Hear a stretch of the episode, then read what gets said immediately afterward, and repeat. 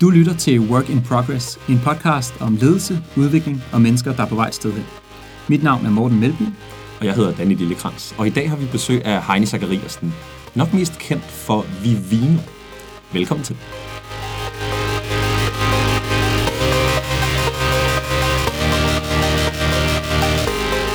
Goddag Heini, og øh, velkommen til øh, podcasten her.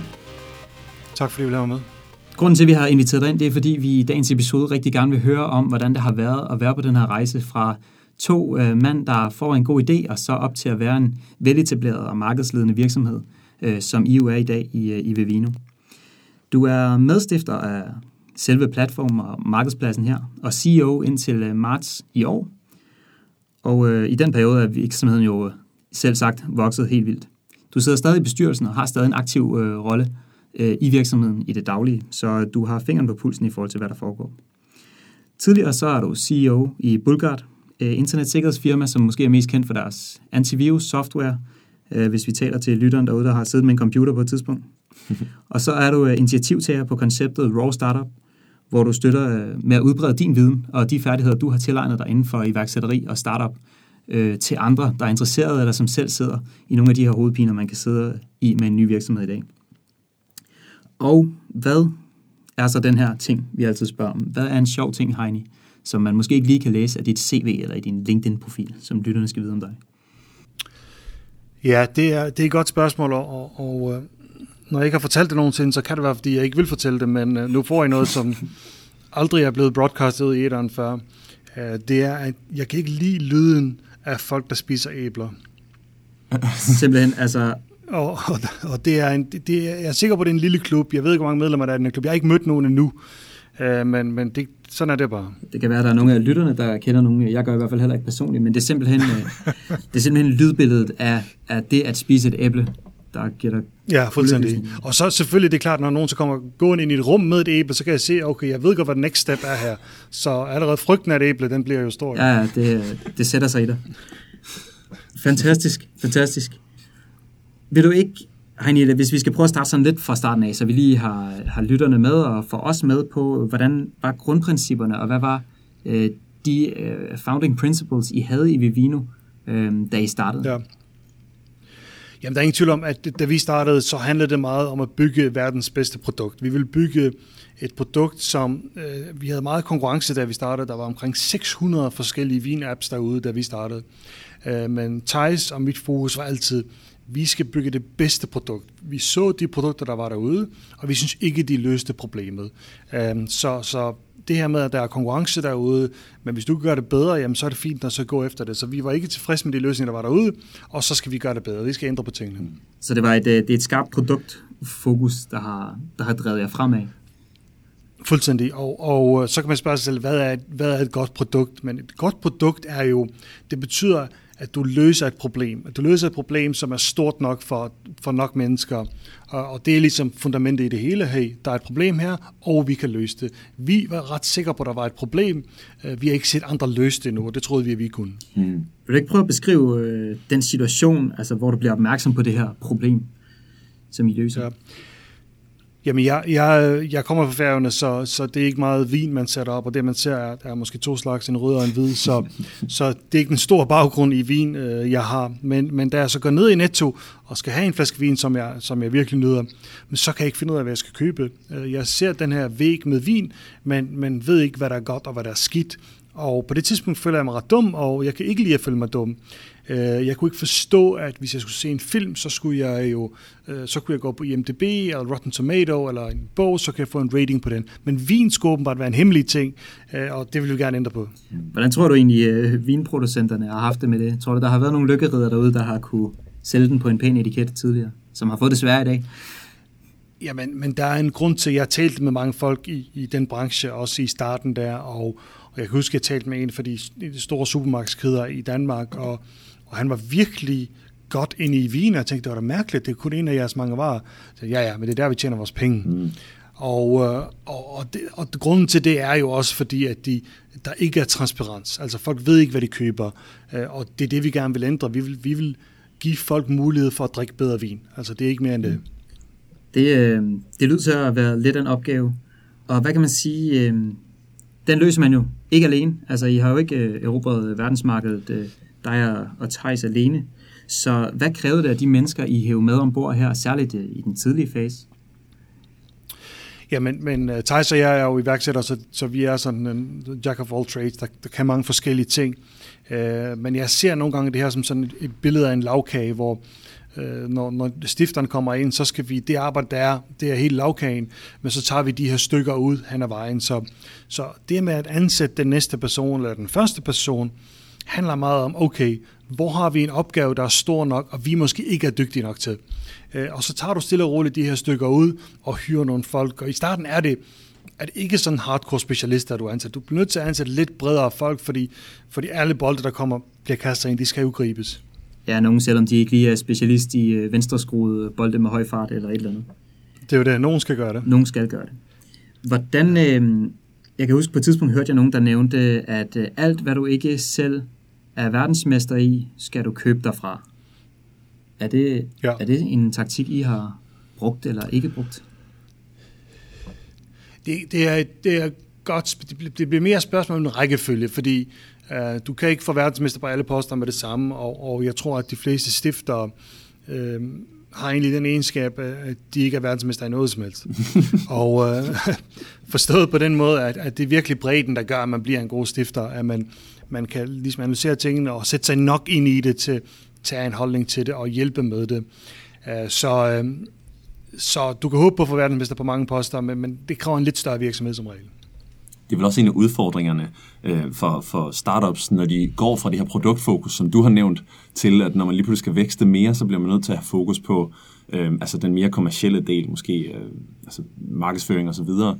så på et eller andet tidspunkt har I vel også måttet slippe det her måske ikke produktfokus, men mere snakke om, hvad er det for et øh, behov, I løser, versus hvad er det for et produkt, I laver? Altså har I haft den sådan tekniske transition? Ja, altså det, der er ingen tvivl om, at, at øh, der, der sker mange af de der skift i sådan en virksomhed der, og, og de er utrolig svære og utrolig vigtige.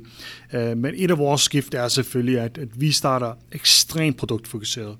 Og, uh, og da jeg så flytter herover for fem år siden, der bygger, begynder jeg at bygge op den, den kommercielle organisation så, så vi har haft den kompleksitet oveni, at meget af det kommercielle har siddet herover, mens det mere tekniske sidder i København. Mm. Uh, så det har ikke været helt uden udfordringer, men, uh, men det er de transitioner, man går igennem, fordi du ønsker ikke at starte en virksomhed, der er pissegod til alt, fordi så er man ikke god til noget som helst. Og, og derfor var det vigtigt at have det produktfokus i starten, og vi har det stadigvæk, det er jo ikke det, men der skal et lag af kommersiel tankegang oven på mm. det nu. Jeg, øh, jeg kender det selv. Øh, nu at vi også øh, engageret i unge virksomheder, ikke? og øh, nogle gange, hvis man læser på de her, selv sådan noget som i vækst, og, og sådan nogle ting, som egentlig er til for at, at hjælpe øh, startups i Danmark, så kommer de med deres kursuskatalog, og man kan godt få følelsen af, som øh, øh iværksætter her, at øh, hold da op, skal jeg styre på både GDPR og økonomistyring og legislation af alle mulige arter. Øh, men, og der tror jeg, det er vigtigt, som du siger, at det gør sig klart, hvad sit fokus er. Altså, jamen det er fint, jeg ved godt, det eksisterer. Ja.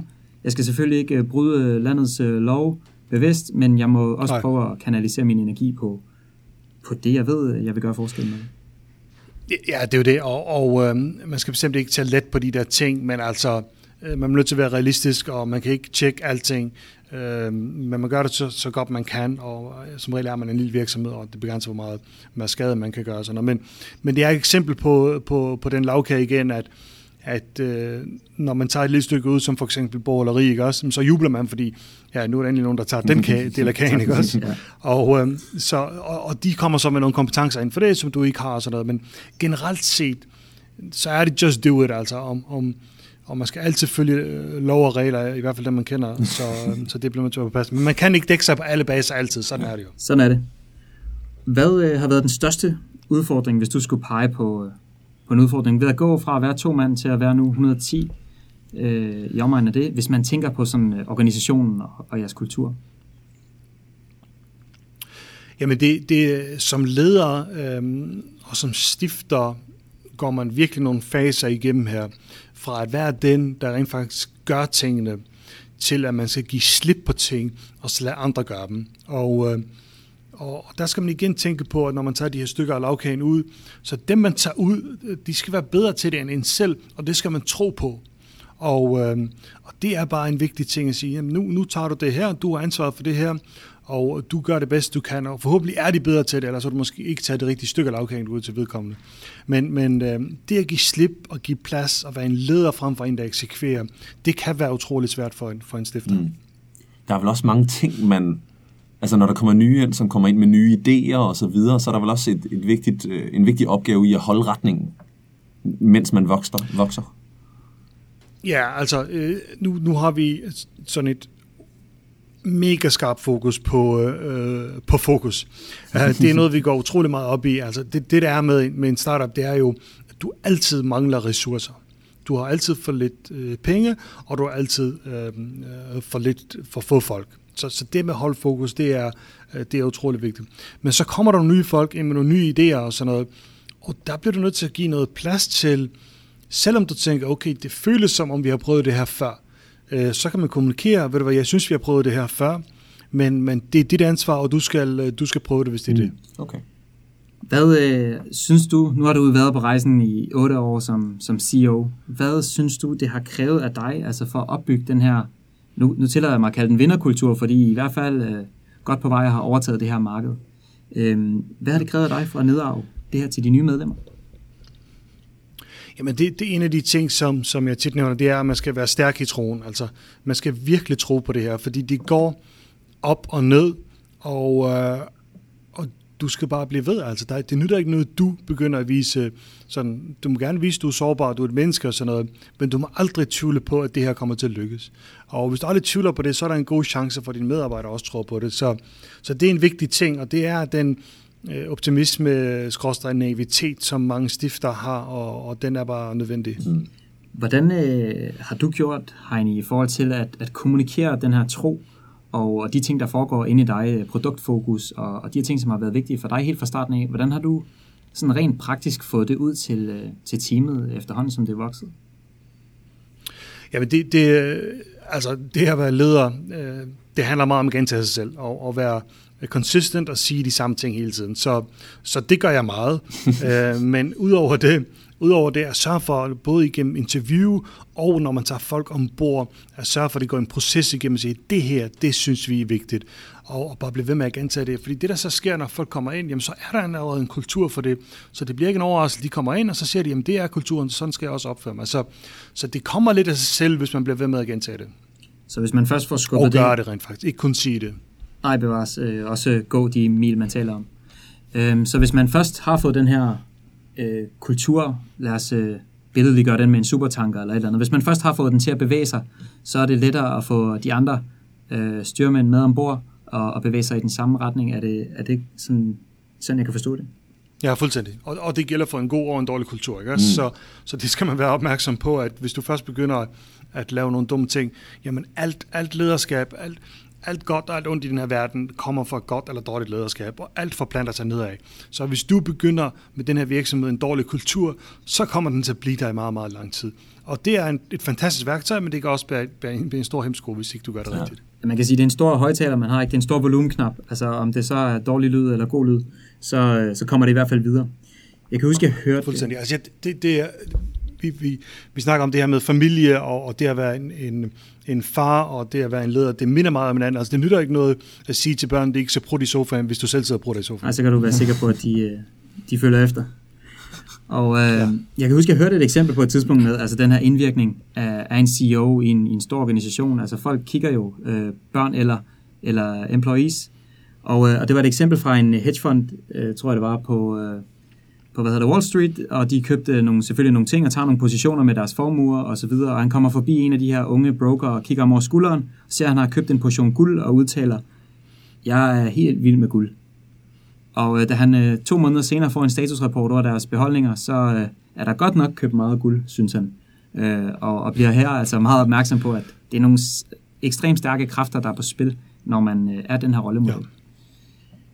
Men det, det, og det, er, det er et rigtig godt eksempel på det, og, og det gælder især, det er alt efter hvilken kultur du er i, rent nationalt også, fordi, øh, fordi man er lidt mere autoritær herover. Øh, så sådan noget som det der vil måske have mere effekt over i USA, end det vil have i Danmark. Er, er, der, er der nogle ting i forhold til den danske og den amerikanske kultur, som du sådan særligt lægger mærke til? Ja, lige, det jeg sagde lige der med, med den autoritet, det, det er helt klart noget, at, at øh, man er mere påpasselig herover og man lytter mere, mere til, øh, hvad chefen siger. Man siger ikke chefen lige så meget imod. Øh, vi vil gerne bygge en kultur her, hvor, hvor de gerne må gøre det, og hvor de heldigvis også gør det, men det handler om tillid. Det er noget, du bygger op. Der er ikke i, i Danmark, i hele samfundet, jeg tror også, det er en, en, når man snakker om, at man er glad og lykkelig i Danmark. En af de grunde til det tilfælde, tror jeg, det er, at der er en indbygget tillid til hinanden. Og øh, den tillid er ikke den samme herover. Mm. Det er et meget stort land, og øh, der er helt klart brødende kart. Det er der selvfølgelig også i Danmark, men, men, øh, men du skal opbygge tillid her, og gøre dig fortjent til tillid, og så får du den simpelthen som tillid til mm. hinanden. Jeg tror, jeg har hørt det omtalt før faktisk også, øh, som værende en del af den her velfærdsstat, vi har i Danmark. Altså der er ligesom en, en indgroet øh, løftebyrde i os alle sammen. Altså, vi er alle sammen ansvarlige for det her, og det ja. betyder også, at jeg stoler på, at du betaler din skat, så jeg kan få den behandling, jeg har brug for den dag, jeg har det skidt. Mm. Hvis, Heini, vi siger, nu bliver det simpelthen rent øh, rådgivning det her. Hvis Danny og jeg, vi kom til dig, og vi havde foundet en, et lille projekt, en virksomhed, vi gerne ville have til at køre, og du var vores, øh, i vores bestyrelse, og vi spurgte dig, Heini, hvad for en ting synes du er det vigtigste, vi kan indarve i vores kultur allerede her fra starten af, og som vil gavne os øh, på hele den tur, vi skal på. Hvad vil det så være? Jamen, jeg, jeg tror, det har noget med at ture. Jeg tror, forskellen på, øhm, på succesfulde virksomheder og succesfulde stiftere, det er, at dem, der giver plads til at ture og rent faktisk tør at gøre noget, og bygger en kultur til, at, at man ikke tænker, uha, noget går galt, men tænker, vi skal ændre verden, vi skal, der skal ske noget her. Det, det tror jeg bare er en, en enormt vigtig ting. Der var en, der sagde til mig engang, at at øh, forskellen mellem iværksætter og en stor virksomhed, det er, at dem, der går på arbejde i en stor virksomhed, de går ikke arbejde på arbejde for at gøre noget, men de gør på arbejde for at undgå fejl. Og, og det er desværre tilfældet i mange store virksomheder, det er, at man er utrolig påpasselig på, jamen jeg har ikke gjort noget forkert. Jamen har du rent faktisk gjort noget? Mm. Præcis. Øh, vi ser det også i, øh, sådan, altså når man snakker med større og stadig større virksomheder, så bliver dokumentationskravene kæmpe store for de beslutninger, der bliver taget, og den enkelte medarbejder på et givet niveau skal til enhver tid kunne dokumentere alle sine handlinger, så de kan retfærdiggøre, at det var logisk, og det var i bedste ja. hensyn, de tog den. Ikke? Mm. Og det kan godt være en træproces, kan man sige. Ja, og i nogle industrier er det nødvendigt. Altså, jeg ved, at når man bygger et fly, så bruger man nærmest halvdelen af sine ressourcer på at dokumentere, ja. hvad man har lavet. Så det er forskelligt fra industri til industri, øh, og når man bygger et fly, så er det muligvis også en god idé. Ja. Altså. Jeg sætter i hvert fald pris på, at, øh, at det går godt de fleste gange, jeg har flået. er der nogle ting i forhold til, nu snakker du om kultur, som, som virkelig er, er vigtig i forhold til tillid og den her øh, evne til at, ligesom at, at sige, sige det, der skal siges. Er der noget, som du har været nødt til, eller haft, øh, haft brug for at slå ned på? Altså en, kult, en kulturtendens, som du har haft brug for at stoppe igen? Eller subkultur. Ja, sådan en ja. subkultur måske.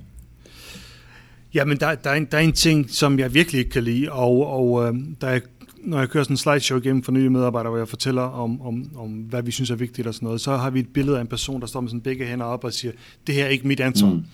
Uh, og uh, det er der ikke noget, der hedder her. Uh, vi, vi har alle sammen ansvar for, hvad der foregår. Hvis der sker noget skidt her, så bliver du nødt til at tage bolden, og det er lige meget, hvad det er. Og det er noget, jeg holder virkelig fast i, fordi ellers så falder der for mange ting igennem, og, og tingene bliver ikke gjort. Altså. Så det her, vi er med i det her sammen, og hvis der kommer noget, så må vi, så må vi løse det sammen. Mm. Okay. Så hver mand tager ansvar for, for det samlede, men også for sit eget. Altså... Ja, lige præcis begge dele, at, at uh, hey, det falder lidt uden for mit scope. Jamen, det er jo lige meget. Nogen skal jo gøre det her. Mm. Uh, det synes jeg er utrolig vigtigt. Ja, okay. Hvad, hvis du skulle kigge tilbage, Heini, hvad har været en ting, som du har måttet øh, tillære dig? Altså for at kunne udfylde den her rolle, og for at kunne skabe den her kultur og virksomhed, som, som I har gjort. Hvad er en ting, du på et tidspunkt er blevet opmærksom på? Det her, det bliver jeg nødt til at blive bedre til, eller, eller udvikle mig indenfor, øh, for at kunne bære den kultur? Ja, det er øh, altså selvfølgelig, man lærer mange ting hen ad vejen. Øh, Jamen, jeg, jeg tænker på det her med at give slip også. Det er jo, at, at øh, jeg godt kan lide at være med til at forme tingene og, og øh, på en eller anden måde bestemme, hvordan der var lavet, ikke også? Men der bliver du nødt til at, at lade de folk, som du er ansat, fordi de er bedre til det, end du er, så bliver du nødt til at lade dem gøre det. Og nogle gange tænker du, okay, det kommer ikke til at lykkes det her, men så må du give dem feedback på det, og så sige, hey, jeg, jeg tvivler på det her, men, men det er op til dig. Og det skal du gøre på den rigtige måde. Altså, du kan ikke sige, at det her bliver noget lort. Du bliver nødt til at være sådan en lille smule påpasselig. Hvis du har sagt det fire gange før, og det kikser fire gange, så må du godt sige, at det her bliver mm. noget lort.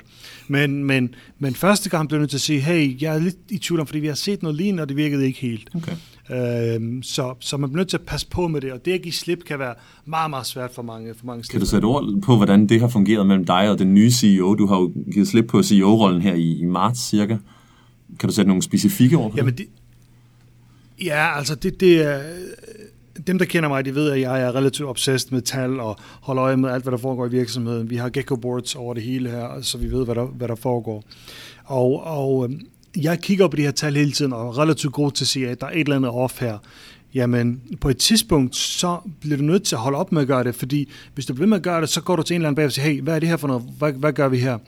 Og øh, der fandt jeg så ud af, at jeg blev nødt til at holde op med at kigge på de der tal hele tiden, fordi, øh, fordi det var den eneste måde at give slip mm. på. Så, så det var en ting, der, der jeg blev nødt til at sige, okay, det, det må stoppe nu. Så de der tal, de virkede som sådan en trigger for dig? Altså til, en, til at starte en gammel ven? Eller ja. ja. ja. Det Hvis du, øh, du nævnte lige det her med at give feedback, Heini, at det er vigtigt at gøre det dels på en respektfuld måde, men selvfølgelig også i tid, og at uh, der skal være et åbent uh, space for, at det her kan komme på tværs af lokalet, hvis det er nødvendigt. Um, hvordan har I arbejdet, eller hvordan vil du beskrive jeres feedback-kultur i Vivino i dag? Jamen, vi har en, øh, en, en relativt kontant kultur, og, og, og det, det, det er ikke noget problem med at være kontant, hvis man gør det på den rigtige måde. Øh, det skal gøres konstruktivt, og, og hvad er hensigten med det, er, er det vigtigste. Det handler ikke om at, at slå det oven i hovedet, det handler om, at vi skal blive bedre til det her næste gang. Øh, så det er en kultur, vi virkelig øh, dyrker meget. Så, så vær kontant, men, men gør det på den rigtige måde og med den rigtige hensigt. Det, det synes jeg er utrolig vigtigt. Ja, jeg, det får mig til at tænke på, det, det lyder som en sindssygt sund måde at arbejde med, med sådan feedback på. Er der noget feedback som mellem kollegaerne? Altså er det en kultur, som er en del af Vivino, at folk godt må sige til hinanden, når der er noget, der enten er super godt, eller hvis ja. der er noget, der ikke spiller endnu?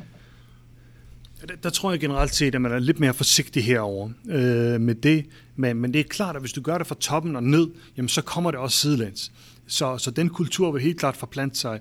Øh, så det håber jeg på sker øh, på det rigtige niveau, ja. Og det, det tror jeg, det gør automatisk, når man, når man ligesom har åbnet op for mm. den kultur. Det lyder, når du forklarer det sådan her øh, relativt uh, simpelt, Heini, meget som den her radical candor uh, ledelsesfilosofi, at det går egentlig ud på to ting.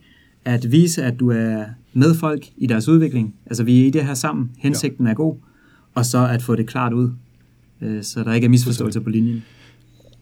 Og det, der så sker, når du gør det, det er, at du får opbygget noget tillid der, men så får du også feedback den anden vej, med den rigtige hensigt. Og, og det, er jo, det er jo godt, og det er sådan, du udvikler dig selv som person også. Mm. Har du lært noget gennem feedback fra dine, øh, enten fra Thijs eller fra øh, dine kollegaer eller medarbejdere, sådan gennem årene, et eller andet, som du har lært om dig selv måske, gennem feedback? Jamen, men det er jeg helt sikker på, at jeg gør næsten hver dag. Altså, øh, når du har gode folk, der er gode til det. Altså, nu har jeg skulle træne meget selvfølgelig, det her med at, øh, at tale med pressen og tale podcast og sådan noget. Det, det, det er relativt naturligt for mig, det er jo ikke det. Men selvom det er det, så kan du bare blive bedre til det, fordi lige pludselig så, så er du på BBC World Service, ikke også? Og det skal ikke messes op, altså. Øhm, så, så det, at man er god til det på, en, på, en, på lokal tv i Vestjylland, det er jo ikke det samme som, at man er klar til BBC World. Men det er måske en meget god træningsbane, og det kunne være, at man lærte noget på tv Vestjylland. Ja, det er det. det, er det. Heini, vi sidder jo her i Danmark meget tæt på jeres øh, danske hovedkontor, og vi kan jo godt lide som danske patrioter her at, at sige, at Vivino er den største danske tech-succes i, øh, i vores tid. Og det kan vi også godt lide. Ja, det kan I også godt lide, ja. Det kunne jeg forestille mig. Og det får mig til at tænke på, hvad for en værdi vil du sige er den vigtigste i Vivino i dag, som er nedarvet fra, fra danskheden eller fra det danske altså, afsæt? Ja. Jamen, det, det er et godt spørgsmål. Altså, det, det, jeg kan godt lide den danske og den nordiske ledelseskultur. Øh, en ledelseskultur, der giver, giver plads til folk at gøre noget selv øh, som ikke er topstyret, men man finder de bedste folk til at løse de forskellige opgaver, og nu nævnte du Radical Candor, også en kultur, som i virkeligheden er relativt, godt kunne være relativt dansk. Det, det, selve begrebet kommer vist nok fra Facebook, så vidt jeg husker. Men, øh, men det er noget, jeg sætter, sætter meget pris på, øh, og jeg tror, det har hjulpet os ret meget at have den kultur i virksomheden. Mm. Er det en ting, hvordan, øh, hvordan agerer, eller behandler amerikanerne det her med at indgå i den skandinaviske kultur? Hvad siger de til det i det skal, de, de ser eller møder?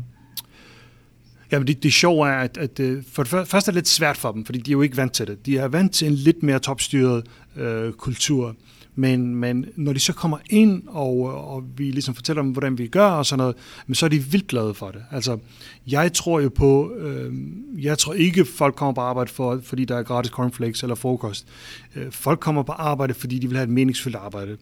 Og øh, hvis de kan gøre en forskel der, hvor de er, så gider de godt arbejde der. Det handler ikke om de andre ting. Det handler ikke lige så meget om løn og cornflakes. Altså, det handler om at have noget, at jeg gør en forskel. Og det kan de godt se ret hurtigt at sige, hey, jeg er en del af det her. Jeg, jeg kan være med til at skabe noget her. Det sætter de stor pris på. Jeg har simpelthen øh, indflydelse på den påvirkning, vi laver i verden, øh, simpelthen for at slå det sådan lidt stort op. Men, Fuldstændig. men jeg, det minder mig om en, en ledelsesbog, der udkom her for kort tid siden omkring den kultur, de opbyggede Netflix øh, under rejsen her, hvor de også beskriver, at sækkestol og cornflakes, som, som du siger, Heine, det er fuldstændig ligegyldigt, øh, når det handler om at motivere medarbejdere. Det handler om, at, at hver skal se frugterne af sit arbejde, og at man skal have en åben kultur, der, øh, der giver plads til udvikling af den enkelte også, øh, kan man sige, gennem de her Ja, feedback. enig.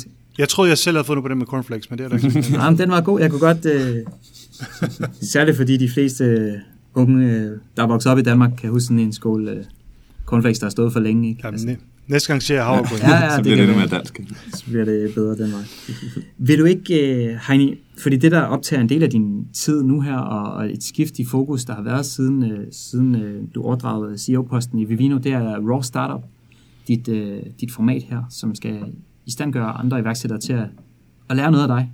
Vil du ikke fortælle lidt om, hvad det går ud på? Og, jo, øh, det, det jeg gerne vil med, med Raw Startup, det er at hjælpe ligesom, den næste generation af, af startups og stiftere til at, at bygge fantastiske virksomheder. Øh, det der sker, når nu er jeg jo 46 år, og øh, det der sker, når man får erfaring, det er, at for hvert år, der går, så kan man godt se, når man kigger tilbage på dem, der starter, wow, jeg kan faktisk hjælpe dem en lille smule med at få noget retning. Og det betyder bare, at, at jeg får rigtig mange startups, der kommer til mig, og jeg hjælper dem med, med alle mulige ting, hvilket er, er fantastisk. Og da jeg så trådte tilbage her, så tænkte jeg, okay, er der en mulighed for at skalere det? Er der en mulighed for at komme ud til lidt flere mennesker? Øh, og så fik jeg den her idé med YouTube, som, som er for mig er relativt grænseoverskridende, fordi øh, nu sætter jeg mig selv foran et kamera og taler til kamera og sådan noget. Det er ikke, det er ikke helt trivielt. En ting er, at det, sådan noget som det her, det er jo kun lyd for det første, men det er også nu, nu det er mig, der står så jeg så for alt på, på sådan et der. Så, så det, det har ligesom været ideen bag det. Så har der også været det, at, at øh, da jeg trådte tilbage, var der helt klart et hul, der skulle fyldes op. Som jeg sagde før, at, det her med at holde op med at tjekke tallene hele tiden. Jeg er jo founder, og jeg er jo en lille smule obsessed, ikke også? Så øh, jeg blev nødt til at have noget at være obsessed over. Så, så det var en mulighed at flytte noget energi den vej. Det, øh, jeg ser det faktisk altså, nogle stykker, og jeg sætter stor pris på det som øh, engageret i nogle virksomhed, at, at der er nogle af jer, der har været øh, nogle årtier eller nogle år øh, foran os andre, som vil give tilbage, fordi jeg oplever egentlig også selv det at træde ind i det her iværksættermiljø som relativt gavmildt. Jeg opdager, at folk gerne vil give noget tilbage, og at de gerne vil hjælpe med at sparke lidt øh, de værste hjørner af, af sådan nogle unge folk, øh, der skal i gang. Så Fedt. så det vil jeg gerne øh, sætte pris på. Og den måde, vores øh, Tak. lyttere kan komme i øh, kontakt med Raw Startup og det indhold, du producerer, hvad er den bedste måde til det? Jamen, øh, gå på YouTube og søg på Raw Startup, øh, så kommer det op der, og husk at subscribe med det samme selvfølgelig. Så du øh, får alle guldkornene med. Altid. Ja. Danny, du er jo, øh, har normalt rimelig skarpe ører og Ja. en skarp pen, så du er god til at opsummere som regel, hvad der har været takeaways Mm. i episoden. Og hvad har du lagt mærke til i dag? Jamen, jeg synes, vi lægger godt ud med en, øh, med en ret fed metafor for, for startups, som er den her lavkagemodel. Altså, i starten så er der måske kun en eller to til at dele lavkagen, men stille og roligt, så bliver du nødt til at give nogle lavkagestykker fra dig. Og, øh, og, og i starten, der, der splitter I den måske i tre i stedet for to, og det betyder, at de nye mennesker skal kunne tage en ret stor bid af lavkagen. De skal kunne gribe mange forskellige bolde, mange generalister i starten. Jeg synes, det er en fed metafor til at tænke over startups. Øhm, og så kan jeg også godt lide, hvis at du sagde sådan, Heini, øh, generelt synes jeg, du signalerer rigtig god ledelse i virkeligheden. Du er, du er en rollemodel, i hvert fald i dine Tak. ord, for det, jeg synes, der er vigtigt som leder. Du fortæller i hvert fald om, at du går forrest øh, i at give feedback, opsøge feedback, i, men feedback er bare en lille del af det, men særligt synes jeg, dit fokus på, at, at fejl skal være noget, man, øh, man godt må lave, fordi det handler om at ture. Det var noget af det vigtigste, du, du sagde, at hvis, hvis vi skulle have et råd, så var det, Ja. øh, at man skal ture gøre noget. Og det synes jeg er en, en kæmpe vigtig øh, takeaway fra det her øh, også i virkeligheden lidt nævnt af, af det her med downside protection. Altså at nogen tager på arbejde for at passe på, at de ikke laver fejl. Ikke? Øh, det synes jeg er nogle ret vigtige takeaways, og i virkeligheden et ret essentielt tema i den her episode, som er, øh, du skal ture, og det er okay at lave fejl. Det er jo, det er jo så hørt mange gange, ikke? men jeg synes virkelig, du går, øh, går vejen i, i alle de forskellige øh, te, alle de forskellige små snakke, vi har haft her, så er det det, der går igen. Jeg lægger også mærke til, at altså mit hoved det skruet lidt sammen på en anden måde. Det er sådan mere visuelt og i billeder. Og, øh, og jeg havde måske inden den her episode øh, forestillet mig, at vi skulle finde en stor øh, kringlet formel for, hvordan man øh, driver lederskab fra at drive det blandt to personer til at drive det blandt 110 personer. Men jeg er egentlig øh, forløst og meget nysgerrig på det her med, at, at det smitter af sig selv, som du siger. At øh, ved at gå forrest ja. og gøre de samme ting og gentage sig selv og holde fast i sine principper og være sine principper hver dag, så øh, kommer det ud til folk, og, øh, og jo større kulturen bliver, jo mere forankret den bliver, jo lettere er det for nye at hoppe med ombord. For, for mange år siden, der var jeg, der var øh, en virksomhed, øh, hvor, hvor der arbejdede nogle hundrede mennesker i København, og, og det undrer mig en lille smule, hvorfor der var så mange FCK-fans. Og øh, der fandt jeg så ud af, at, at ham, der var CEO og bestyrelse, han var også meget aktiv i FCK og, og sad i bestyrelsen der, ikke også? Og det var bare et eksempel på lige præcis det, der sker helt automatisk. Alle dem, der er neutrale, de bliver FCK-fans, og lige pludselig så er det, så er det 80-20 eller sådan noget. Ja, det, det er sjovt på en københavnsk arbejdsplads, ikke? Ja. Altså, ja. interessant, interessant. Øhm, Heini, hvis du skulle, altså nu har det handlet lidt meget om, om iværksættere, og det her med at starte sit eget firma måske, kan det lyde lidt som. Men det kan også være, at man står for et øh, væksteventyr og bare gerne vil øh, fremad med nogle ting, man skal til at skalere, man står for kulturen i en virksomhed. Hvad vil så være dit bedste råd til den mand eller kvinde, der står foran den her opgave? Jeg tror, det, jeg tror også, det er vigtigt at sige, at det med iværksætteri er ikke nødvendigvis at starte en virksomhed. Det, er også, det kan også være inden for de offentlige nogle projekter, der er, og det kan være i store virksomheder, alle mulige steder. Det er, en, det er en måde at gøre tingene på, at skabe noget, at bygge noget med de rammer, man, man nu har. Øhm, når, det, når det er sagt, så er det... Øh, altså, for mig handler det om, igen, vi kommer tilbage til det her med ture. Hvis du skal lave noget ind i en, en stor virksomhed, så bliver du nødt til at give plads til det team, som skal gøre det. Øhm, jeg ved at for eksempel General Motors, som er en kæmpe, kæmpe amerikansk virksomhed, da de skulle i gang med at øh, bygge sådan selvkørende biler og konkurrere med Tesla og sådan noget, jamen så startede det simpelthen herude i Silicon Valley, langt væk fra Detroit, og sagde, I starter derude, I får lov til at lave jeres egen ting. Så snart du kommer ind i den anden kultur, og det ikke får plads, og der går politik i den, så fungerer det ikke mere. Så, så mindre downside protection, og mere tænk på, hvad den potentielle mm. upside er. At give plads til det, og altså leve den kultur. Ja, fuldstændig. Heini, vi har lært nogle ting i hvert fald, og det er vi sikre på, at lytterne også øh, vil efter at have lyttet til episoden. Så du skal have mange tak for, at du vil øh, deltage fra San Francisco. Tak fordi du lavede med.